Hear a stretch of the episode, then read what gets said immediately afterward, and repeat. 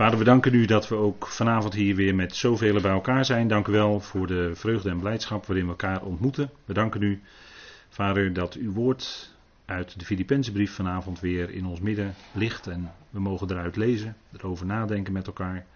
Dank u wel, Vader, dat u nabij bent en ook deze avond geeft. En mag het zijn, Vader, dat de woorden die gesproken worden zijn tot opbouw, tot bemoediging, vertroosting, aanspreking. Ja, Heer, het is alles wat uw woord ons geeft en wilt u zelf door uw woorden heen ons hart verblijden en ons geloof opbouwen. We danken u dat we daardoor, Vader, stapje voor stapje verder in die waarheid van u mogen komen. We danken u dat u ons gezegend heeft met iedere geestelijke zegen te midden van de hemelsen in Christus. Dat dat ons zekere en rijke bezit is. Vader, daar mogen wij het leven. We danken u dat u ons wilt vervullen met de geest van wijsheid en onthulling in de erkenning van u.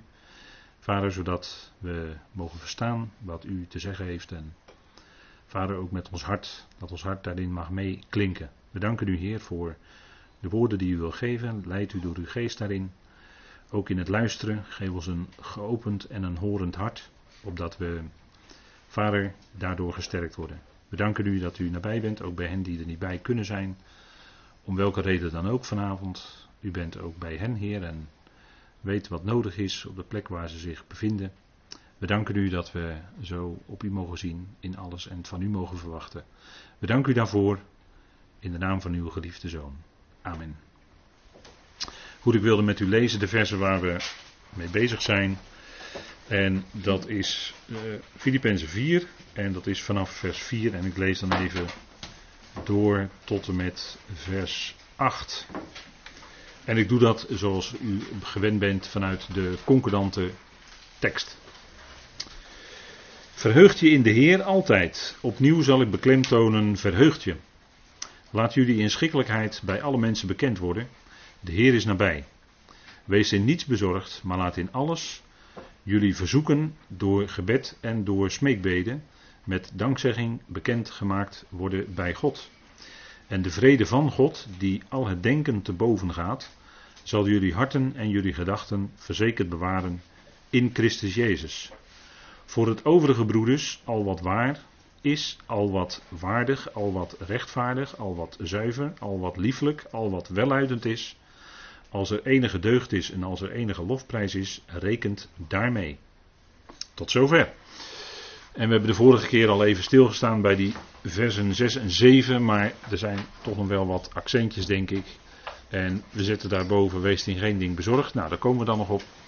En in vers 4 wil ik toch nog even terugpakken. Verheugt je in de Heer, altijd opnieuw zal ik beklemtonen, verheugt je. En dat is niet zomaar uh, een oppervlakkige vreugde waar Paulus het over heeft, geen oppervlakkige blijdschap. Je hebt van die mensen die zijn altijd blij, maar uh, ja goed, dan uh, denk je wel eens van, ja, als je, als je als mens nadenkt en je laat de dingen toch uit de samenleving, die signaleren je of die hoor je, die komen op je af. Nou, dan heb je niet altijd reden om blij te zijn. Dus dat getuigt dan misschien wel van een zekere oppervlakkigheid. En je hebt van die mensen die, ja, die leven bij van leven van. Dat had je vroeger ook, hè? Dat waren de Stoïcijnen en, en die andere groep, de Epicureërs, geloof ik. Die zeiden van nou, als je maar plezier hebt in het leven, en zoals je dat in het zuiden ook wel eens hoort, rondom carnaval, van als je maar leut hebt. Dus als, als je maar plezier hebt, even in het, in het bovenriviers vertaald dan, dan is het wel goed. En de rest bekommeren we ons niet zoveel om. is even misschien, misschien gechargeerd gezegd, dat weet ik wel. Maar aan de andere kant um, heb je dan ook de Stoïcijnen. En die laten zich door niets verstoren. Hè. Stoïcijns, dat is ook een bekende uitdrukking in het Nederlands. Dat zijn mensen die laten zich door niets of niemand of door geen enkele gebeurtenis verstoren. Die zijn altijd hetzelfde. Altijd gelijkmatig. En eh, dat heeft te maken met dat mensen altijd rekenen met bepaalde principes of met, hoe moet je dat zeggen, met bepaalde wetten. Als daar maar aan voldaan is, dan is het goed. Of, of niet. Een van de twee, maar die zijn altijd gelijkmatig. Hè? Die zijn onverstoorbaar. En uh, in, in de oudheid, of in die tijd van, uh, van Paulus, ja, daar, uh, daar beriep men zich juist op. Of dat was juist een soort kunst om dan stoïcijns te zijn. Onder, alle omstandigheden. Geen emoties tonen. En altijd maar gelijkmatig. Hè. Zo, zo heb je van die mensen. In, ook in ons land. Die, die zijn altijd gelijkmatig. Lijkt wel of ze nooit emoties hebben. Of ze laten dat niet merken. Maar aan de buitenkant altijd dezelfde gezicht, zal ik maar zeggen. Ik wou een woord zeggen met een P, maar goed gezicht, altijd maar hetzelfde gezicht, altijd maar gelijkmatig. Ja, dan, uh, maar Paulus, als je bij Paulus leest, daar lees je wel uh, over emoties natuurlijk. En hij heeft het hier over verheugdje. En dat is niet alleen zomaar een verheuging of een blijdschap naar aanleiding van iets blijs wat gebeurd is. Nee, dat is een, een vreugde of een verheugen wat permanent is. Dat is niet, eigenlijk ten diepste niet te verstoren. Ondanks dat het feit dat we als mensen en ook als gelovige mensen allemaal emoties kennen. Hè, we kennen net als ieder ander kennen we blijdschap, we kennen verdriet, we kennen moeilijke perioden, dat we uh, pijn hebben, dat we pijn in de ziel hebben van, van dingen en, en noem maar op. Hè, dat we lichamelijk lijden, dat we lichamelijke pijn hebben. Nou, dat is helemaal niet makkelijk. Dat zijn moeilijke periodes. En toch, toch, zegt Paulus, verheug je in de Heer altijd. En dat herhaalt hij nog eens. Opnieuw zal hij beklemtonen. En het woord beklemtonen is ook een heel nadrukkelijk woord. Dat heeft te maken met niet alleen met praten, maar echt nadrukkelijk iets zeggen. Alsof je iets, als, als een waterval eigenlijk, zo krachtig komt het, uh, komt het eruit. Opnieuw zal ik beklemtonen, verheugt je. En waar heeft dat nou mee te maken? Waarom kunnen wij ons nou als gelovigen altijd verheugen? Omdat die genade van God, die, die geest van God in ons hart werkt. En dat we daarom altijd toch een vreugde in ons hart kunnen hebben, een innerlijke vreugde, een basis zou je kunnen zeggen, wat, wat, wat in je is gekomen hè, uh, vanaf het moment dat je tot geloof kwam, is dat gaan werken en is er een vreugde gekomen en, en zeker nadat je de, het evangelie van de apostel Paulus hebt leren kennen, heeft dat een vreugde in je hart teweeggebracht die eigenlijk door niets meer is te verstoren. En dan kun je tranen in je ogen hebben, kun je de tranen over je wangen lopen en toch kun je diep in je hart die vreugde hebben. Waarom? Omdat je weet dat ondanks de omstandigheden God niet verandert. God blijft altijd dezelfde. God is altijd liefde. Hij heeft altijd alles in zijn hand. En dat is geen dooddoener, maar dat is juist een geweldige zekerheid voor ons. En een basis van, van onze, voor ons bestaan, van ons hart, voor onze vreugde. En dat is het evangelie wat Paulus brengt, dat is goed nieuws en dat betekent genade. En genade is iets dat vreugde brengt. En het andere, en natuurlijk is er die andere boodschap, die was aan Israël gegeven. En die periode is eigenlijk al lang voorbij. En die brengt eigenlijk geen vreugde, want daar word je altijd geconfronteerd met jouw tekorten, waarin jij tekortschiet. Dat is een hele andere boodschap, die heeft een hele andere lading. En dat brengt uiteindelijk geen vreugde, want het werp je ook terug op jezelf. Je gaat bezig met jezelf. En dat geeft geen blijvende vreugde. Blijvende vreugde geeft die Heer, hè, want Paulus zegt het ook, verheugt je in de Heer altijd. Dat is het punt. En er kunnen de omstandigheden zijn waarin je die, die ertoe aanleiding geven dat je je helemaal niet verblijdt. Maar die Heer is wel hetzelfde. Ook in onze omstandigheden waarin wij zijn, en omstandigheden kunnen heel moeilijk zijn. Dat, dat, dat, hoef ik tegen u niet te vertellen. Je kan in allerlei situaties zijn in je leven. Die je absoluut, de situatie op zich je absoluut geen blijdschap geven. Maar toch kan die vreugde daar zijn. En dan denk ik aan bijvoorbeeld een Paulus en een Silas in de gevangenis. Die waren in de gevangenis. En dan denk je van nou, die zaten met, zijn voet, met hun voeten in het blok. Ze waren gevangen gezet in Filippi. We hebben het over de brief van de Filippenzen. En wat deden zij? Zij zongen midden in de nacht de lof van God. Hoe kan dat nou? Hoe kan dat nou? Dat kan omdat je weet dat God degene is die alles in zijn hand heeft en ook bij machten is. Ook zelfs een onmogelijke situatie te keren ten goede. En zij wisten ook niet hoe lang ze daar zouden zitten, Paulus en Silas. Maar midden in de nacht zongen zij de lof van God. Dus die vreugde die was daar. In de gevangenis. En dan zeg ik nou, alsjeblieft. Hè, alsjeblieft. Moeilijke omstandigheden. Alle aanleiding om bij de pakken neer te gaan zitten. Want ze waren druk bezig het evangelie te verspreiden. Ze zitten met hun voeten in het blok, ze kunnen zich niet bewegen. Dus geen mogelijkheid meer om het evangelie te verspreiden. Dat soort gedachten kan natuurlijk je allemaal gaan bespringen als je realistisch bent. En dan zeg je van ja, hoe moet het nou verder? Hoe moet het nou verder?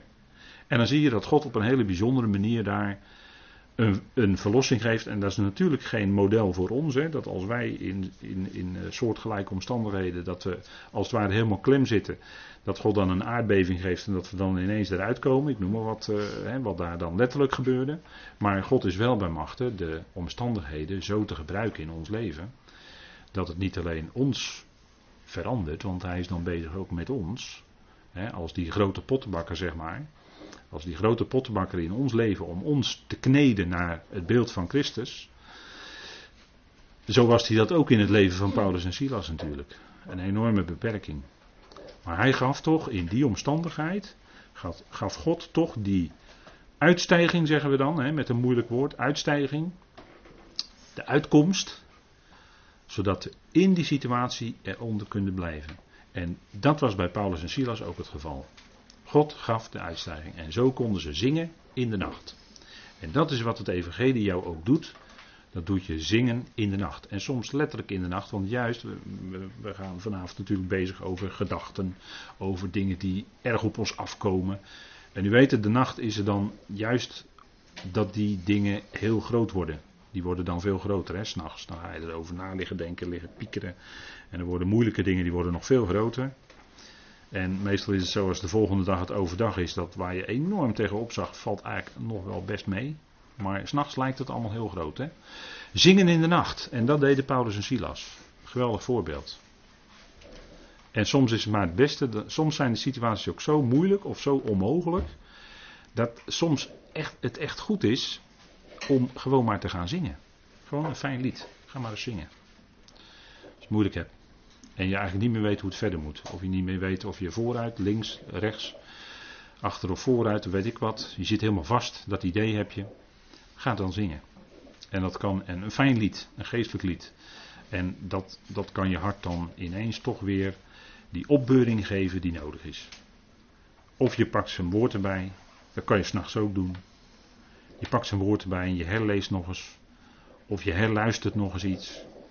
En dan kan het zijn dat God toch weer opnieuw in die nacht, waarin je het zo moeilijk hebt, waarin misschien de tranen je nader staan dan dat je gaat zingen. Maar dan kan God toch ongedacht in die omstandigheid even weer die bemoediging geven. En dat is ook wat bijvoorbeeld, eh, kijk, verheug je in de Heer. Daar wist de psalmist ook wel iets van. Laten we even opzoeken. Psalm 37. Psalm 37. Dat is denk ik toch wel ja, de psalmen die uh, zijn aan Israël gegeven. Het zijn de liederen van Israël, zeker. Die tonen ook allerlei emoties. Maar het is toch dan wel weer herkenbaar, omdat wij die emoties ook kennen. En dan zie je de emotie van de psalmist hiervan in 37 van een David. Trouwens wel een mooie psalm hoor, 37. Dat, is een, uh, dat noemen ze een acrostigon. Dat wil zeggen dat elke uh, twee versen, die hebben één letter van het Hebreeuws alfabet. Dus die beginnen ook, die zinnen beginnen in het Hebreeuws dan ook met die betreffende letter. Dus deze eerste twee versen die, die beginnen dan met de letter Alef. En dat heb je ook in Psalm 119 bijvoorbeeld. En zo zijn er wel meer. En de, tweede, de vers 3 begint dan met um, de letter Beet. Hè, dat begint met het woord vertrouwen. Dat begint ook met een beet in het Hebreeuws. En waar het om gaat is eigenlijk hier een tegenstelling tussen het vertrouwen in Yahweh en uh, het kijken naar wat anderen doen. Hè? Ongerechtigheid, je ziet om je heen ongerechtigheid, je ziet om, om je heen allerlei akelige dingen gebeuren. Nou, dat uh, hebben wij in Nederland heel erg recent ook nog gezien. Hele akelige dingen die ineens gebeuren, midden in een stad. Maar wat zegt David dan, die ook moeilijke situaties kende? En dat is wat eigenlijk ook de, waar Paulus eigenlijk in, deze, in dit stukje antwoord op geeft. Um, ontsteek niet, hè, vers 1, ontsteek niet in woede over de kwaaddoeners.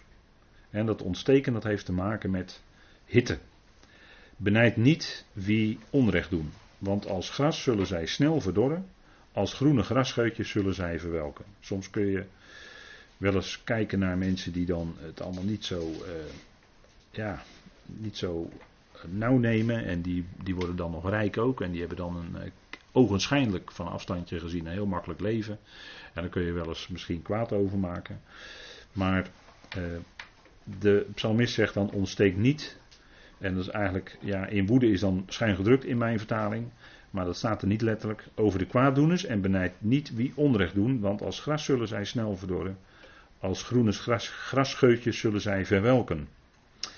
En dan vers 3, vertrouw op Yahweh. En doe het goede. Bewoon de aarde en voed u met trouw. Nou, dat is, dat is eigenlijk het, punt. Hè? Vertrouw op de Heer. Vertrouw op Yahweh. En het gaat hier om het verheugen in de Heer altijd. En dat ademt natuurlijk vertrouwen. De Heer is er altijd en je kunt hem te allen tijden vertrouwen. Hij weet wat in je leven speelt.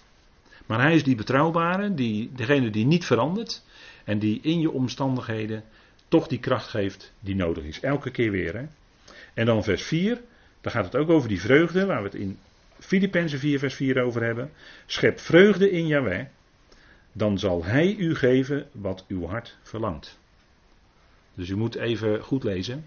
Het is niet zo van je bidt God en dan geeft hij je wat jouw hart verlangt. Nee, het begint met vertrouwen op de Heer, vers 3. En dan vreugde scheppen in de Heer. En dat, gaat, dat doet iets in je hart natuurlijk. Dan is er iets in je hart al gebeurd. En dan zal hij u geven wat uw hart verlangt. Want dan werkt God in je hart dat verlangen. Nou, om van hem te willen zijn, om hem te dienen. En wat je dan verlangt is anders dan mensen die God niet kennen. Want die verlangen dingen die alleen op henzelf zijn gericht. Dat is het punt, hè? Eh, God is niet degene die alles maar geeft wat wij vragen. Nee, God is degene die geeft, die legt een verlangen in je hart. Om hem bijvoorbeeld om hem te willen dienen, want Filippenzen gaat daar helemaal over. En dan zal hij u geven wat uw hart verlangt. En die kracht voor de dienst, die kracht in het dienen van hem, want dat beslaat het hele leven. Hè? Dat is niet alleen bezig zijn op zondag om de stoelen klaar te zetten of de koffie te schenken op een Bijbelstudieavond. Maar het, het dienen van de Heer beslaat ons hele leven. Alles wat wij doen is in zijn dienst. Dat is het punt. En daar gaat Filipens over, ons hele leven. En daarin kunnen we ons te allen tijden in de Heer verheugen. En dan zal Hij u geven, ja, wat je hart verlangt. En dan ga je verlangen dat, dat je tot eer van Hem zal zijn in dat wat je doet. En dat je de dingen ook doet tot eer van Hem. Dat gaat je hart dan verlangen. En dat gaat Hij dan geven. Kijk, zo, uh, zo moet je zo'n tekst vanuit de context invullen. Hè? En vers 5 zegt dan ook: Vertrouw jouw weg aan de Heer toe. vertrouw jouw weg. er staat een woord vertrouwen. Dat wil zeggen, eh, daar staat eigenlijk wentelen. Wentel uw weg op Yahweh. En vertrouw op Hem. Dus je kan misschien wel eigen gedachten hebben over de weg die jij moet gaan. Maar wentel die weg nou eerst eens op de Heer. Ga daar eerst eens met de Heer over spreken. En Hem daarin vertrouwen. Heer, is dit nu de juiste weg die ik moet gaan? Wentel uw weg op de Heer, op Yahweh. Vertrouw op Hem. dat is dan het tweede. Wentel uw weg op de Heer. Dan, dan geef je dat in vertrouwen over aan de Heer, jouw weg, of de weg die je denkt dat je moet gaan. En dan gaat Hij het doen, want er staat: Hij zal doen. Hij zal het doen. Hij zal doen. Hij zal die weg wijzen. Hij zal je op die weg die je moet gaan, kennelijk, zal Hij je ook dan die kracht geven die nodig is. Hij zal het doen. En dat is het bijzondere. Hè? Dus hier lezen we ook in de psalmist, bij de psalmist, schep vreugde in Yahweh. Dan zal hij u geven wat uw hart verlangt. En denk erom dat Paulus deze woorden kende. Want die kende ten nacht tot en met. Veel beter dan wij. En die zal ongetwijfeld bij het opschrijven van deze woorden daaraan aan, aan zulk soort woorden gedacht hebben. Hè? En ik heb er een, eh, een NB bij gezet bij deze tekst uit Colossense 1. En dan gaat het nog meer tot je spreken, denk ik. Laten we even met elkaar opzoeken. Colossense 1, vers 24.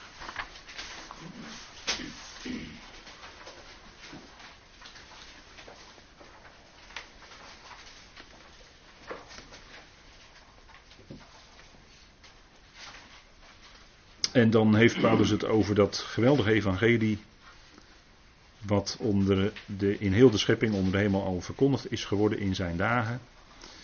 En waarvan Paulus dus een dienaar werd. Dat is het evangelie van verzoening natuurlijk, wat hier in Colossense 1 aan alle kanten klinkt. En dan zegt Paulus, nu verheug ik mij in mijn lijden, ter wille van jullie, en vul in zijn plaats in mijn vlees aan wat ontbreekt aan de verdrukkingen van Christus, ter wille, van zijn lichaam. Dat is de uitgeroepen gemeente.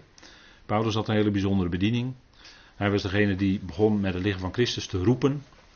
En het wonderlijke is dat hij hier zegt, en dat is zo, dat staat zo haaks op het denken van de mens over het lijden. Paulus zegt hier, nu verheug ik mij in mijn lijden ter wille van jullie. Hij leed. En hij heeft veel geleden. Kunnen daar, u kunt misschien ook die reeks van dingen die hem overkwamen opsommen, opnoemen. Alles wat hem overkwam. Nou, dat was een hele lijdensweg. Hè? Maar hij zegt, want je zou natuurlijk kunnen jeremiëren over je lijden. Maar Paulus doet dat niet. Hij zegt, nu verheug ik mij in mijn lijden ter wille van jullie. Kijk, dat is, dat getuigt van een inwerking, een werk van God in zijn hart en leven. Wat heel bijzonder is, en hij zegt van zichzelf ook, word mijn navolgers. Dus het is mogelijk dat je in lijden, en lijden staat hier ook in deze tekst in het meervoud, hè, dat kunt u in de concordante tekst mooi zien, met drie kleine streepjes ervoor. Dus hij bedoelt echt het lijden hoor, eh, en dat was veel in zijn situatie, in zijn eh, leven.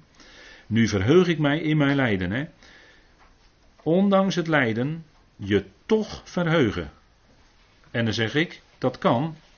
En dan zegt u, op grond waarvan dan? Nou, op, wat, op grond van wat hier staat, wat Paulus hier schrijft. Paulus ervoer dit zelf op die manier. Je verheugen in het lijden. Ja, dat kan. Dat kan. En het is, dit was het lijden ter wille van het lichaam van Christus. En dus ook het lijden ter wille van Christus. En daarvan had Paulus ook in Filippenzen 1 gezegd. Laten we het ook even met elkaar opzoeken. Om het even te herhalen. Want herhaling is toch de basis van leren. En er zitten hier diverse mensen met uh, pedagogische kennis uh, in, in deze kamer. Die zitten te luisteren. En die weten dat ook, dat herhaling heel goed is als het gaat om onderricht. Filippenzen 1, vers 29. Daar staat, want aan jullie, zegt uh, Paulus tegen die Filippenzen, dus die zaten in een soortgelijk pakket als dat hij zat. Want aan jullie is de genade geschonken voor Christus. Niet alleen naar binnen hem te geloven, maar ook voor hem te lijden. Ook zo'n wonderlijke uitspraak, hè? De genade is aan hen ook verleend. En Paulus zei zegt dat dus, dat is dus genade. Niet alleen dat geloven, dat is ook genade geschenkt natuurlijk, het geloof wat je hebt. Absoluut, is een genadegeschenk, werkt God in je hart. Maar ook voor hem te lijden. Dat is kennelijk ook genade. Dat is wat, hè? Dat is wat. Dat hij dat zo aan die Filippenzen doorgeeft en dus ook aan ons. Hè? Als we lijden ter wille van Christus, dan is dat genade.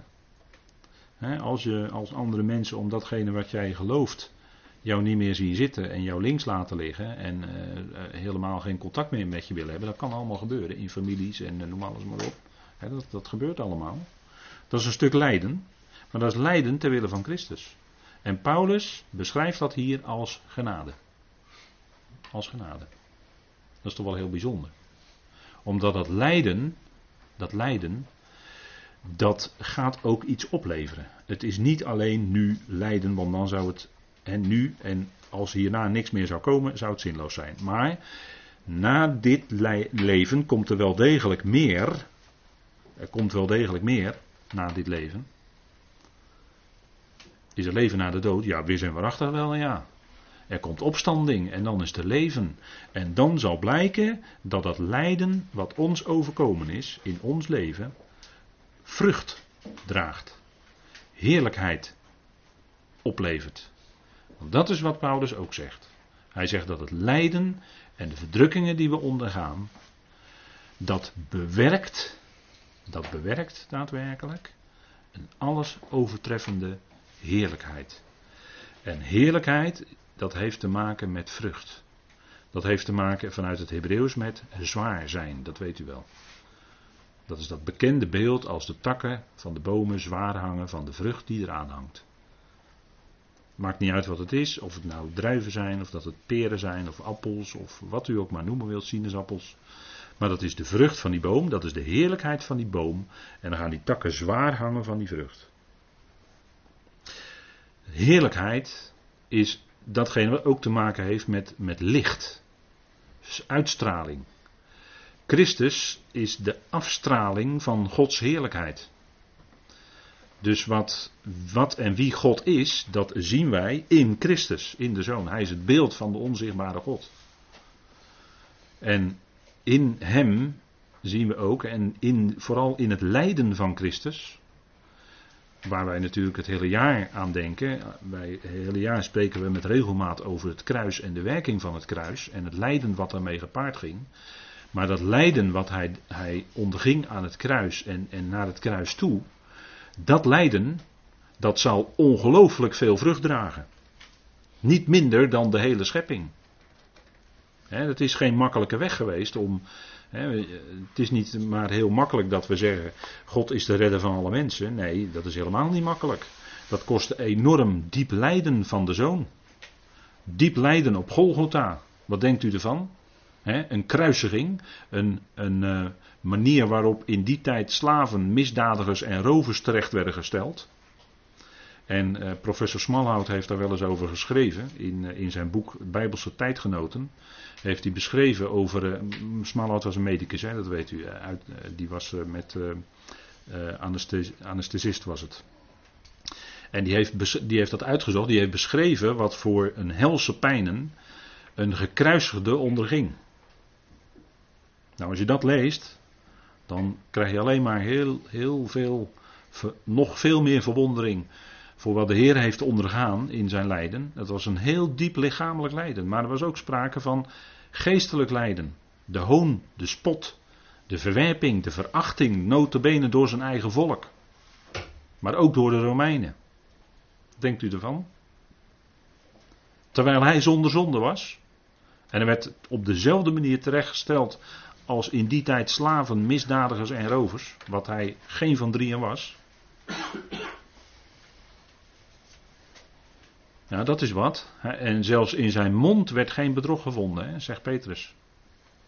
Hè, Petrus, als hij daarover spreekt, dan, dan merk je het enorme diepe bewondering en respect wat Petrus had voor zijn Heer.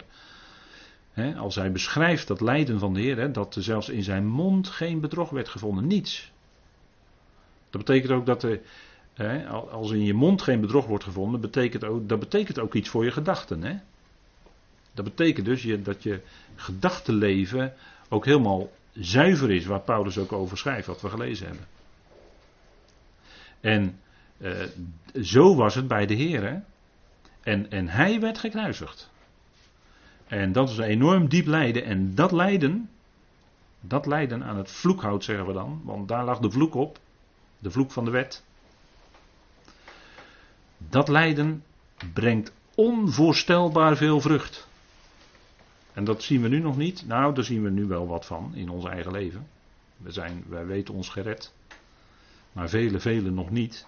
Maar die hele mensheid, die hele schepping, zal delen in die heerlijkheid van God. En dat is de vrucht van het werk van Christus. En, en uh, kijk, de apostel Paulus, die, die had het als geen ander in de diepte mogen begrijpen.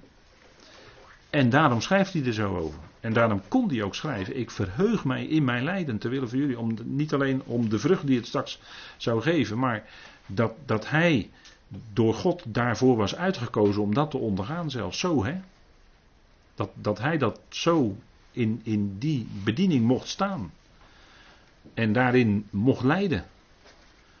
Dat zag, en daarin verheugde hij zich. Dat zag hij als genade. En dan zegt u, ja, dat is bijna niet menselijk. Nee, maar dat is ook die inwerking van die geest van God. want kijk maar wat, wat voor een vrucht die geest van God in je leven kan zetten. Aan liefde, aan vreugde, aan vrede, aan geduld, aan, aan, aan goedheid, aan trouw, aan geloof. geloof is hetzelfde als trouw en trouw is hetzelfde als geloof. dat is in het Grieks hetzelfde woord. Dus dat kun je één op één, dat is in het Hebreeuws ook zo. is het woord amen, dat is geloof en dat is tegelijk trouw. En daar zit heel dicht tegenaan het woord emet. Hè, dat is waarheid in het Hebreeuws. Waarheid en trouw, dat ligt ook heel dicht bij elkaar. Hè, want als, eh, en dat, dat is natuurlijk ook met Paulus. Paulus was een apostel die was trouw. Die deed trouw de dienst van de Heer. En daarin was hij tegelijkertijd dus ook waar. Want als je waar bent, dan ben je ook trouw. En dat is niet iets wat God op je legt, want zodra je gaat denken, nou moet ik dit of nou moet ik dat, ben je in een verkeerd denken. Sorry dat ik het zo zeg, maar dan ben je in een verkeerd denken. Maar God geeft die geweldige boodschap van genade in je leven en dat geeft die vreugde in je hart en daarvanuit, ja, die geest die werkt in je en daarvanuit kun je trouw zijn, ben je waar en noem alles maar op. Hè. Zo, zo werkt dat. Nou, opnieuw zal ik beklemtonen, zegt Paulus, verheugt je. Dus dat is in, eigenlijk in elke omstandigheid.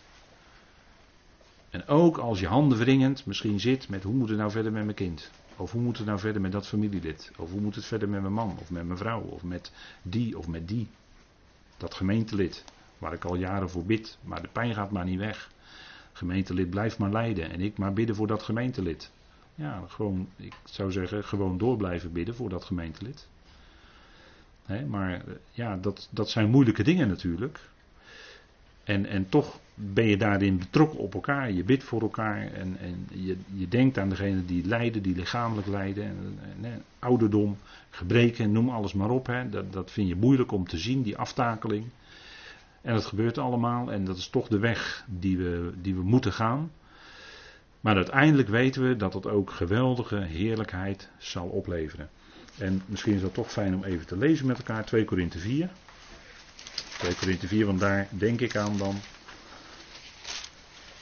2 Korinthe 4. En dat zijn woorden, kijk, dat zijn woorden, als ik die lees, dan, krijg ik, dan komt dat lied zo in je gedachten op van er is hoop. Dan vertaal ik dat met verwachting natuurlijk, maar er is hoop, er is hoop voor de toekomst. Zeker, er is hoop, er is verwachting voor de toekomst. Hè? Dat is geweldig. En daarom zegt Paulus ook, en dat zegt hij ook steeds in die, in die hoofdstukken, en daarom vind ik het ook zo bemoedigend om dat te lezen. Daarom verliezen wij de moed niet. Er kan veel om ons heen zijn waardoor wij wel de moed verliezen. Waardoor je de neiging hebt om een bijltje er maar bij neer te gooien, bij wijze van spreken. Maar Paulus zegt, daarom verliezen wij de moed niet. En dat, dan denkt hij aan die heerlijkheid en die genade. Ook al vergaat onze uiterlijke mens, nochtans wordt de innerlijke van dag tot dag vernieuwd. Want, want onze lichte verdrukking, die van korte duur is, brengt in ons een alles overtreffend, eonisch gewicht aan heerlijkheid teweeg. En dan, speelt Paulus natuurlijk in zijn gedachten dat Hebreeuwse woord, hè, want hij heeft het hier over gewicht en hij heeft het over heerlijkheid. Nou, dat zit allebei in het Hebreeuwse woord kavod. Hè. Dat zit er allebei in. Dus hij denkt daaraan dat, dat die vrucht die het op zal leveren in de toekomst. En dan, en, dan, en dan zet hij dus de dingen in de juiste verhouding. Maar dan, moet dan ga je dus ook met andere ogen kijken. Daar gaat het om. Hè? Je gaat met andere ogen kijken naar dat lijden en die verdrukkingen die je ondergaat. Want Paulus zegt, want onze lichte verdrukking, die van korte duur is. En wij als mensen zijn heel snel geneigd te denken: het is, een, het is maar zwaar wat ik meemaak en het, en het duurt allemaal zo lang. Maar als je het afzet tegen die geweldige heerlijkheid die gaat komen. En dat is eonisch, dus dat gaat, eh, dat gaat heel lang duren. En ook daarna nog natuurlijk, dat weten we. Maar hij zegt, brengt in ons een alles overtreffend, en eigenlijk zegt hij dat woord twee keer, hè, een, een overtreffend, overtreffend ionisch gewicht aan heerlijkheid teweeg. Wij houden onze ogen, het gaat om onze ogen, hoe kijk je nu hè? Hoe kijk je met die ogen van je hart? Wij houden onze ogen immers niet gericht op de dingen die men ziet, maar op de dingen die men niet ziet. De onzichtbare dingen, daar kijken we naar. Want de dingen die men ziet zijn van een kort ogenblik, van een kort seizoen, staat er. Maar de dingen die men niet ziet zijn eonisch. En dat is veel langer dan één kort seizoen. En Paulus zet dus de dingen hier in het perspectief.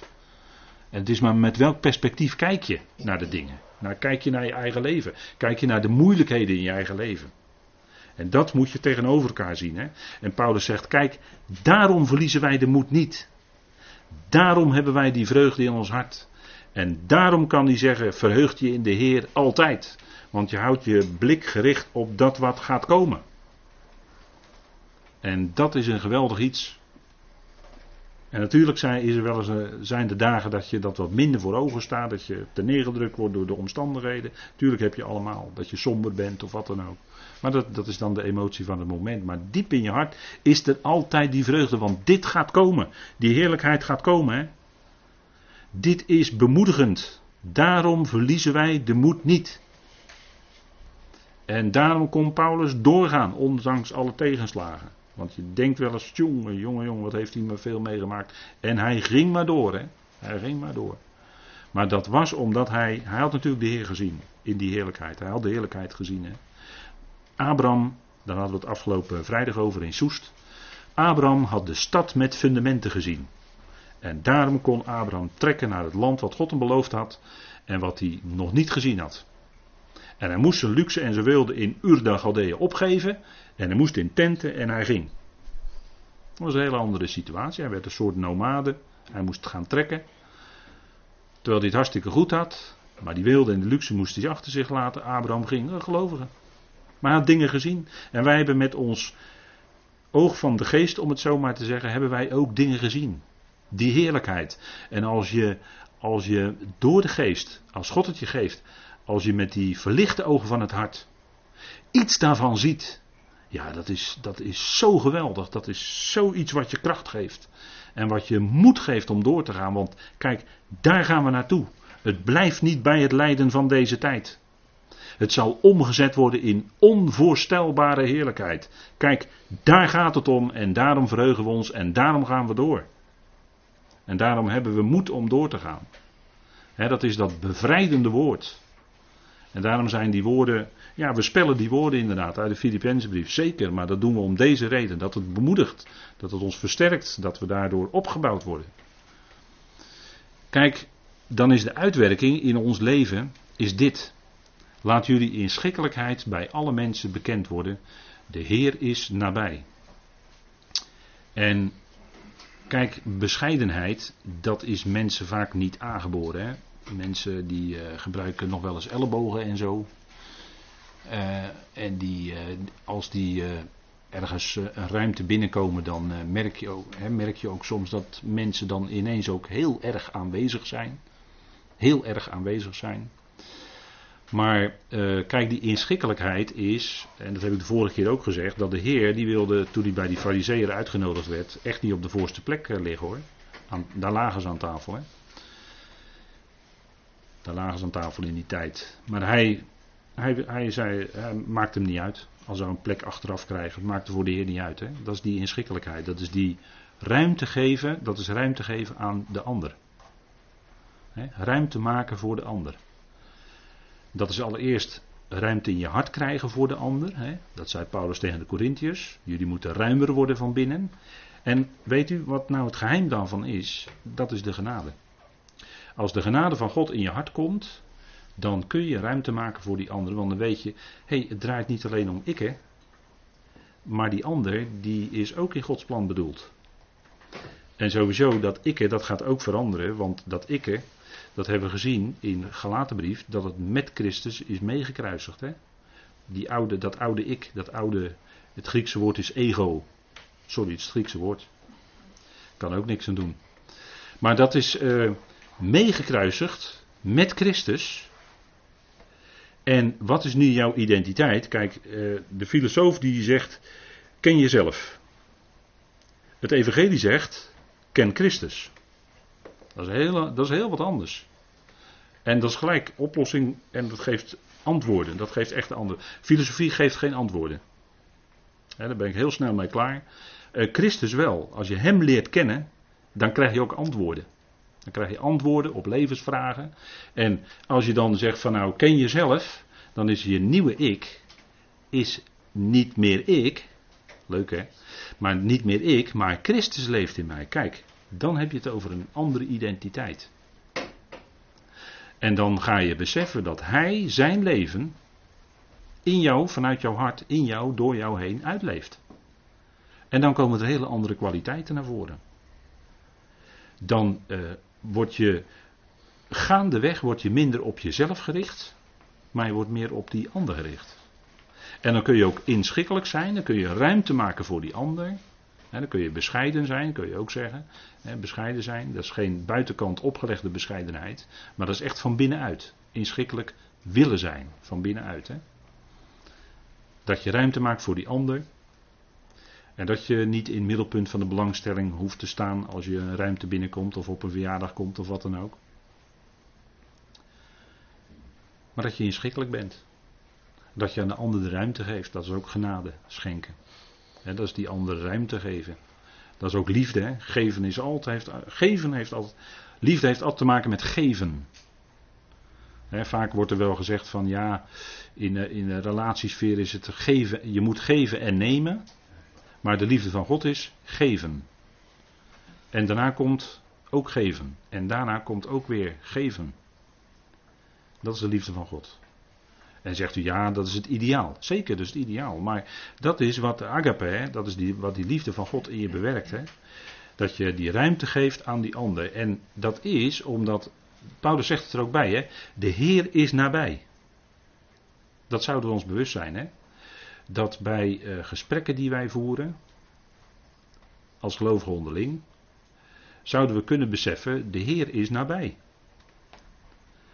En uh, dat we niet meer uh, zo graag uh, op de voorgrond willen, heeft te maken met het feit dat we ons bewust zijn dat de Heer nabij is. Wij zelf zouden namelijk niet centraal staan, maar de Heer zou centraal staan. De Heer is nabij. Dat is niet alleen in de tijd gerekend, hij is er bijna, dat geloof ik ook, hij is er bijna. Daar zijn, hoor ik al bijna klinken. Maar wat voor ons dagelijks leven, wat Paulus ons hier voorhoudt voor ons dagelijks leven is, de Heer is nabij. Dat is de Curios. Dat is degene die voor het zeggen heeft in ons leven. En, en dat is alleen maar heel goed. en kijk, eh, dat, dat ruimte geven.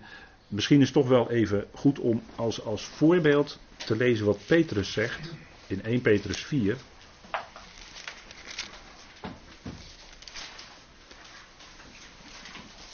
1 Petrus 4, vers 15. En dat heeft te maken met die inschikkelijkheid. dat is uh, in, inschikken. Je, bent, je, bent inschikkelijk. Uh, eh, 1 Petrus 4, vers 15. En er staat: Maar laat niemand van jullie lijden als een moordenaar, of dief, of kwaaddoener, of als iemand die zich met de zaken van iemand anders bemoeit. Hè, die zich mengt in een anders zaken of doen. Hè, dat heeft te maken met uh, uh, dat je, dat je als, als, als was jij een. Uh, wat er eigenlijk staat is, als was jij een opziener. Dat je je zodanig met, met een ander bemoeit. En dat kan in geestelijk opzicht zijn, maar dat kan ook in zakelijke dingen zijn. Hè. De tekst laat daar wel wat ruimte in. En dan zegt u, ja, eh, dan zou je kunnen zeggen, wat hoort er niet in het rijtje thuis? Nou, hier hoort alles in het rijtje thuis. En Peter zegt dan, als, eh, wij lezen dat als voorbeeld en nemen dat mee, maar laat niemand van jullie lijden, hè, want uh, als je die akelige dingen doet, dan heeft dat natuurlijk gevolgen voor je. Dat brengt lijden later in je leven teweeg. En dat is ook met het zich bemoeien met. Hè. Dat is toch wel vreemd, hè? Op het eerste gezicht als dat in dit rijtje staat. Moordenaar, dief, kwaaddoener. Inschikkelijk zijn. Bemoei je je dan met andermans zaken? Nee, ieder, ieder heeft een, ieder, ieder, iedere gelovige ook heeft een eigen leven. En eh, als je dingen eh, signaleert, dan eh, kun je daarvoor bidden. Maar het is niet zaak om dan, tenzij je gevraagd wordt, om raad gevraagd wordt, dat is wat anders. Dat is wat anders. Maar je kunt je niet zomaar met andermans zaken gaan bemoeien. Ook al signaleer je dingen bij andere gelovigen of bij andere mensen, je kan je daar niet zomaar in gaan mengen. Dat kan niet. Je kan er wel voor bidden natuurlijk.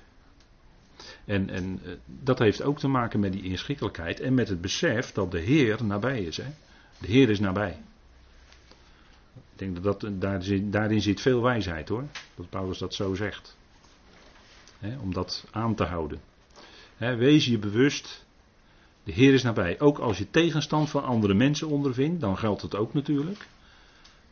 Als het moeilijk is, als het erop aankomt. De Heer is nabij. Zeker. En hij zal het niet boven je lippen laten komen. De Heer is nabij. En aan de andere kant, voor onszelf. Nou, wees maar wat inschikkelijk. De Heer is nabij. Hij zorgt en hij werkt het uit. En, en dat is ook wat we, wat we willen zijn, hè, tot eer van Hem. Hè. Dat is, uh, uh, laten we toch nog even teruggaan naar die tweede Korinthebrief. Ja, want het beslaat ons hele leven natuurlijk. Niet alleen als je als gelovige elkaar ontmoet bij gelegenheid. En dan hoop ik ook dat het echt een ontmoeten is. Maar altijd in alle facetten van ons dagelijks leven. Hè. Daar heeft Paulus het over in 2 Korinthe 5. En het is natuurlijk ook met het oog op, kijk, de Heer is nabij. Dat betekent dat die Bema, dan noem ik wat, de Bema is dan ook nabij. Hè? Want als hij komt met de bazuin, dan hebben we direct dat Bema-moment. En dat is niet zomaar een momentje, maar dat is een heel gebeuren, denk ik. Wat, wat, waar de Heer toch dingen gaat uh, uh, beoordelen, om het zo maar te zeggen.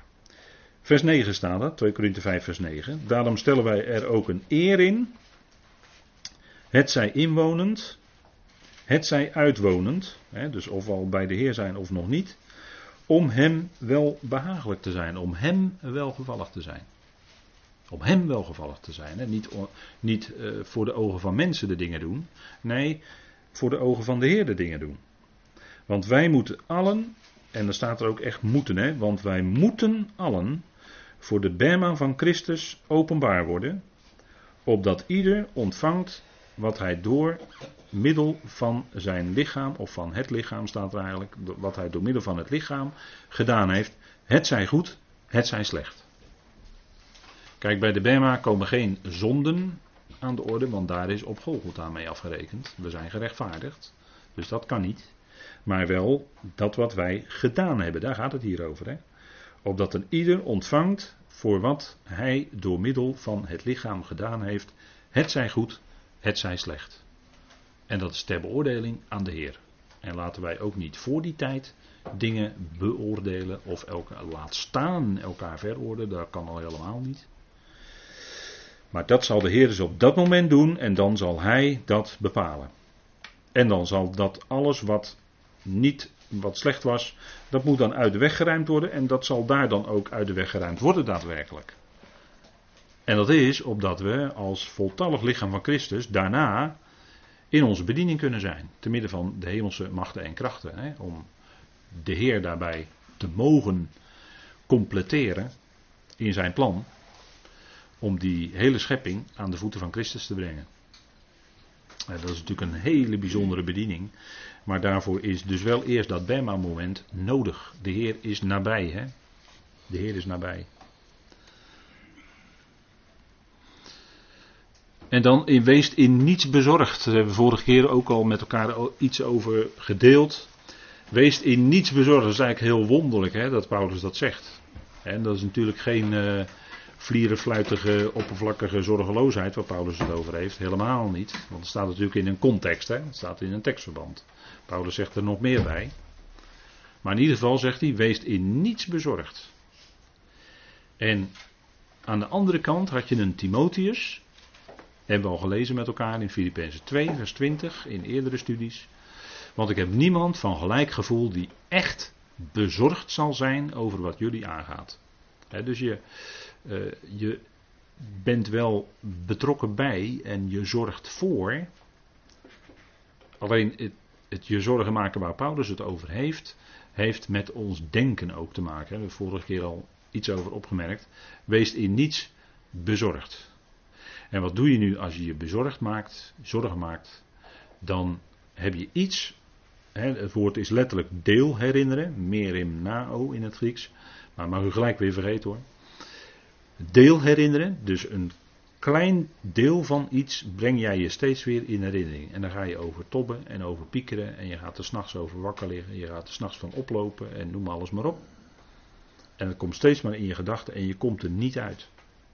En als dat maar doorgaat in je leven, nou, dan kan het ook nog zelfs uh, gevolgen hebben voor je functioneren. Je psychische functioneren en je lichamelijke functioneren zelfs. Dat kan allemaal. dat kan enorme gevolgen hebben bij een mens. dat, dat denken, als dat denken op een of andere manier iets in je denken zo'n zo overheersend beslag heeft, dan, eh, dan, dan, dan zuigt dat ook heel veel energie van je weg. En, en daar heeft Paulus het over.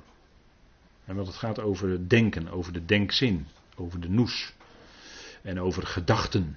Hè, wat, wat uit die denkzin naar voren komt. En daar gaat het over hier in dit stukje.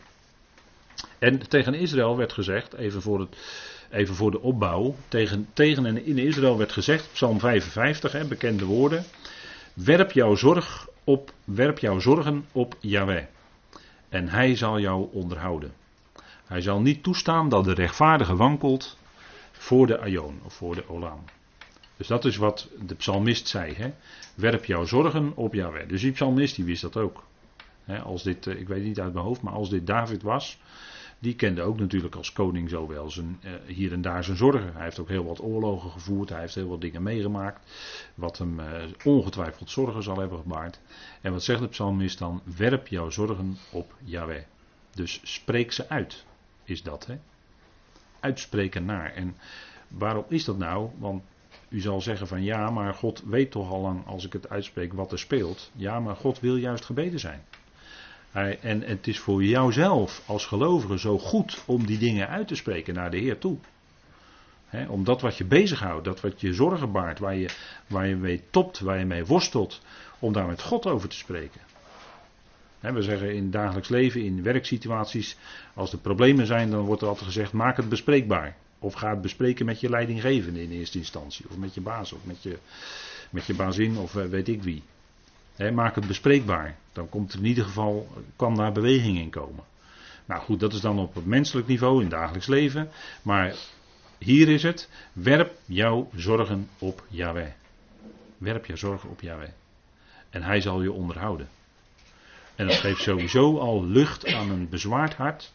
Als je datgene wat zo op jouw hart drukt, en waar je zelfs hartkloppingen van kan krijgen, want zo erg kan het zijn. Hè? En waar je bloeddruk omhoog van gaat en, en dat soort dingen allemaal. Waar, waarvan je misschien zelfs zo gaat trillen en zo. Letterlijk trillen bedoel ik dan. Nee, zo erg kan het worden met zorgen maken.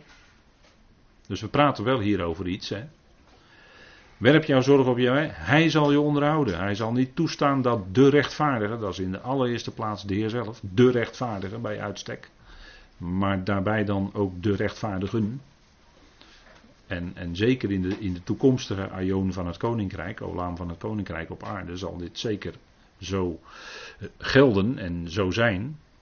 En Petrus die zegt ook iets soortgelijks. Hè? En dat, is dan het, dat zijn dan de wedergeborenen uit Israël waar hij aan schrijft. En die herhaalt die die haalt die tekst uit de Psalm 55 ook aan.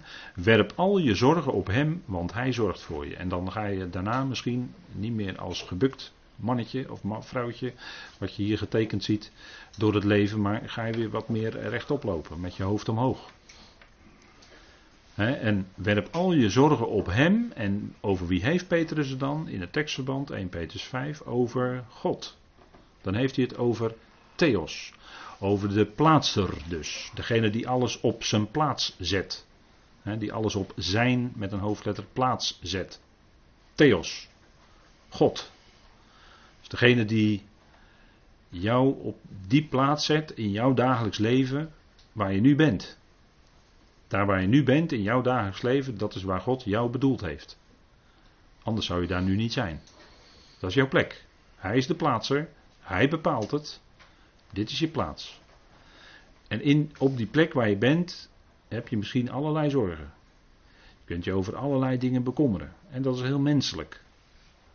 Dat is helemaal niet verkeerd, maar dat is heel menselijk. En juist is God er dan, dan die deur bij God staat altijd open, om die dingen ook met Hem te delen.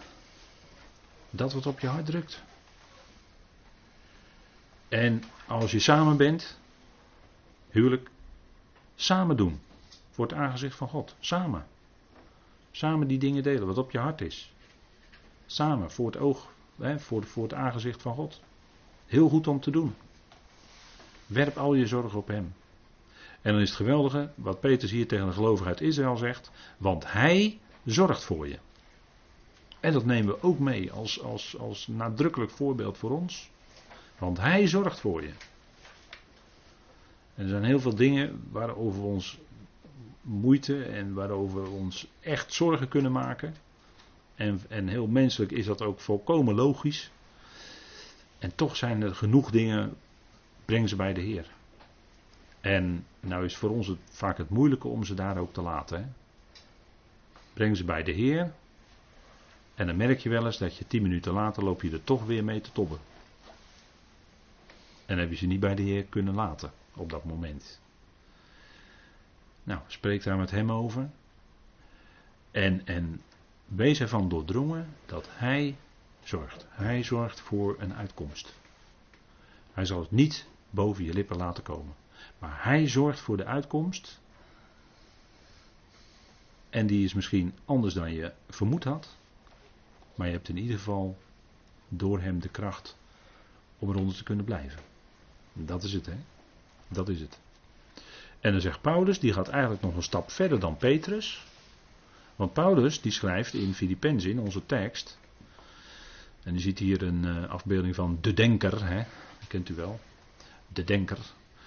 In niets bezorgd. En met bezorgd zijn, wat doe je dan? Dan breng je voortdurend iets in herinnering. Wat, die, wat we net al bij die psalm lazen. Ergeren jezelf niet. Dat, dat ergeren, of het, het, je kan het ook vertalen met uh, uh, boos worden. Het heeft in ieder geval de grondbetekenis van het Hebreeuwse woord is hitte. Datzelfde, dat uh, Abraham die trok weg uit Haran, uit Garan eigenlijk. En toen heb ik gezegd dat betekent hitte. Nou, hier staat hetzelfde woord, alleen dan een werkwoord. Hitte. Dus je kan zo boos over iets worden dat je ook lichamelijk helemaal warm wordt ervan. Hè? Zo kwaad kan je je wel eens maken. En je kan je ook aan iets ergeren. dat zit er dan een beetje ook in, zit ook een beetje dat Hebreeuwse woord als je het in de context opzoekt. Je kan je ook iets over ergeren, wel zodanig dat je ook bijna letterlijk lichamelijk daar warm van wordt. Dat je zo ontzettend aan iets ergert. En zegt die psalmist, erger jezelf niet. En wat dan wel te doen, dat is wat Paulus, daarin wijst Paulus ons de weg. Hè? In niets bezorgd zijn, niet maar steeds piekeren en pijnzen. Paulus zegt het niet wettisch hoor. Hij zegt niet je mag niet piekeren en pijnzen. Zo, zo is hij helemaal niet bezig natuurlijk. Zo is hij nooit bezig. Nooit. Het is altijd in genade wat hij ons aanreikt. maar hij zegt. Maar laat in alles jullie verzoeken. Dat wat je verzoekt. Wat, wat, je, wat jij graag wil in die situatie. Wat jij graag wil voor je kind. Of voor dat familielid. Of voor dat gemeentelid. Of wat dan ook. Wat jij dan aan hem als verzoek wil voorleggen. Nou, leg het aan hem voor. Laat in alles, hè, dus dat geldt voor ons hele leven. En dat is zo mooi van zo'n aanwijzing van Paulus. Het beslaat gelijk je hele bestaan. In alles. Jullie verzoeken, wat het dan ook maar is, maak het bij hem bekend. En, en blijf niet met die gedachten maar rondmalen en malen, want het is die bekende vicieuze cirkel. Hè. Dat trek je zo naar beneden. Maar dit is wat, de, dit is wat Paulus, hierin wijst Paulus natuurlijk de weg omhoog. Maar laten in alles jullie verzoeken door gebed en door smeekbeden. want dat is wat God wil gebeden zijn. En, en uh, dat, is, dat is goed, dat zit ook in het, uh, in het Griekse woord voor gebed. Dat, dan, dan, ja, dan heb je het wel, ja. Dan heb je het wel. het wil hebben naar God toe. Dat is eigenlijk het woord voor bidden. En nu is het wonderlijke dat als je, als je God bidt, dan hebben we natuurlijk de gebeden van Paulus, die bidden we mee. En waar komt dat nou eigenlijk ten diepste vandaan? Nou, dat leren we bij de Heer in Lucas 6. Laten we het even met elkaar opzoeken. Er wordt iets gezegd over gebed. De Heer was regelmatig s'nachts te vinden op de berg. En dan was hij met vader in gesprek. En dat zijn natuurlijk hele intense gesprekken geweest. Dat kunt u zich wel een beetje, misschien iets ervan voorstellen. En dat is ook iets waarvan ik denk van ja, dat is, een, dat is zoiets bijzonders moet dat ook geweest zijn.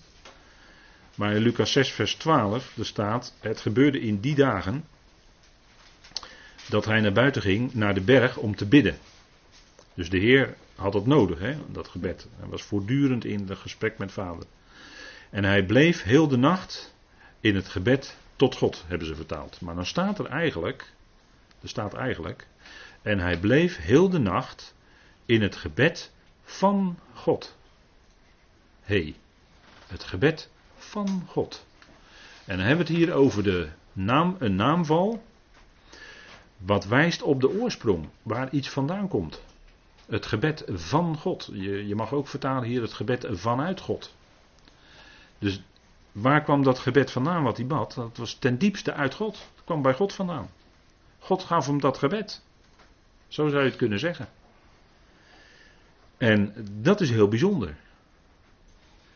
En, toen, en, en, dat is ook wat, wat, uh, wat je bidt. En soms heb je wel eens in je gebed dat je iets bidt waarvan je later denkt van hé, hey, wat heb ik nou toch eigenlijk gebeden? En het kan best zijn dat de geest dat in je gewerkt heeft, dat je dat zo hebt uitgesproken op die manier. dat kan. Of dat je voor iets gebeden hebt, voor de, of voor de zondagdienst, dat er iets in je gebed was. En dat blijkt dan, uh, dat blijkt dan bijvoorbeeld in het, in het spreken heel erg naar voren te komen. misschien heb je, in je, in je, als, je, als je bidt voor de zondagdienst, en dan heb je misschien wel eens dat je denkt aan, een tekst uit Gods woord, of dat je dat in je gebed uh, noemt. En dan, en dan blijkt het dat, dat het spreken heel erg over, juist over die tekst gaat, waarvoor jij gebeden hebt. Dat kan.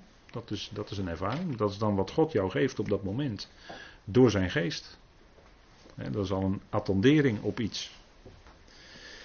En dan zie je ook daarna de uitwerking ervan. En toen het dag was geworden, want dit was een belangrijk uh, moment in zijn bediening. En toen het dag was geworden, riep hij zijn discipelen bij zich. En hij koos er twaalf van hen uit, die hij ook apostelen noemde. En dan komen ze allemaal. Al die discipelen, hè, de zonen des donders en uh, noem maar op, hè, Simeon. Maar ook aan het eind Judas Iscariot, wat denkt u daarvan? En dan staat erbij, die ook de verrader geworden is.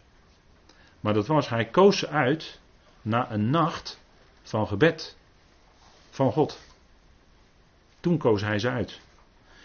En hij wist van meet aan, de Heer wist van meet aan, die Judas, die zou hem ook gaan.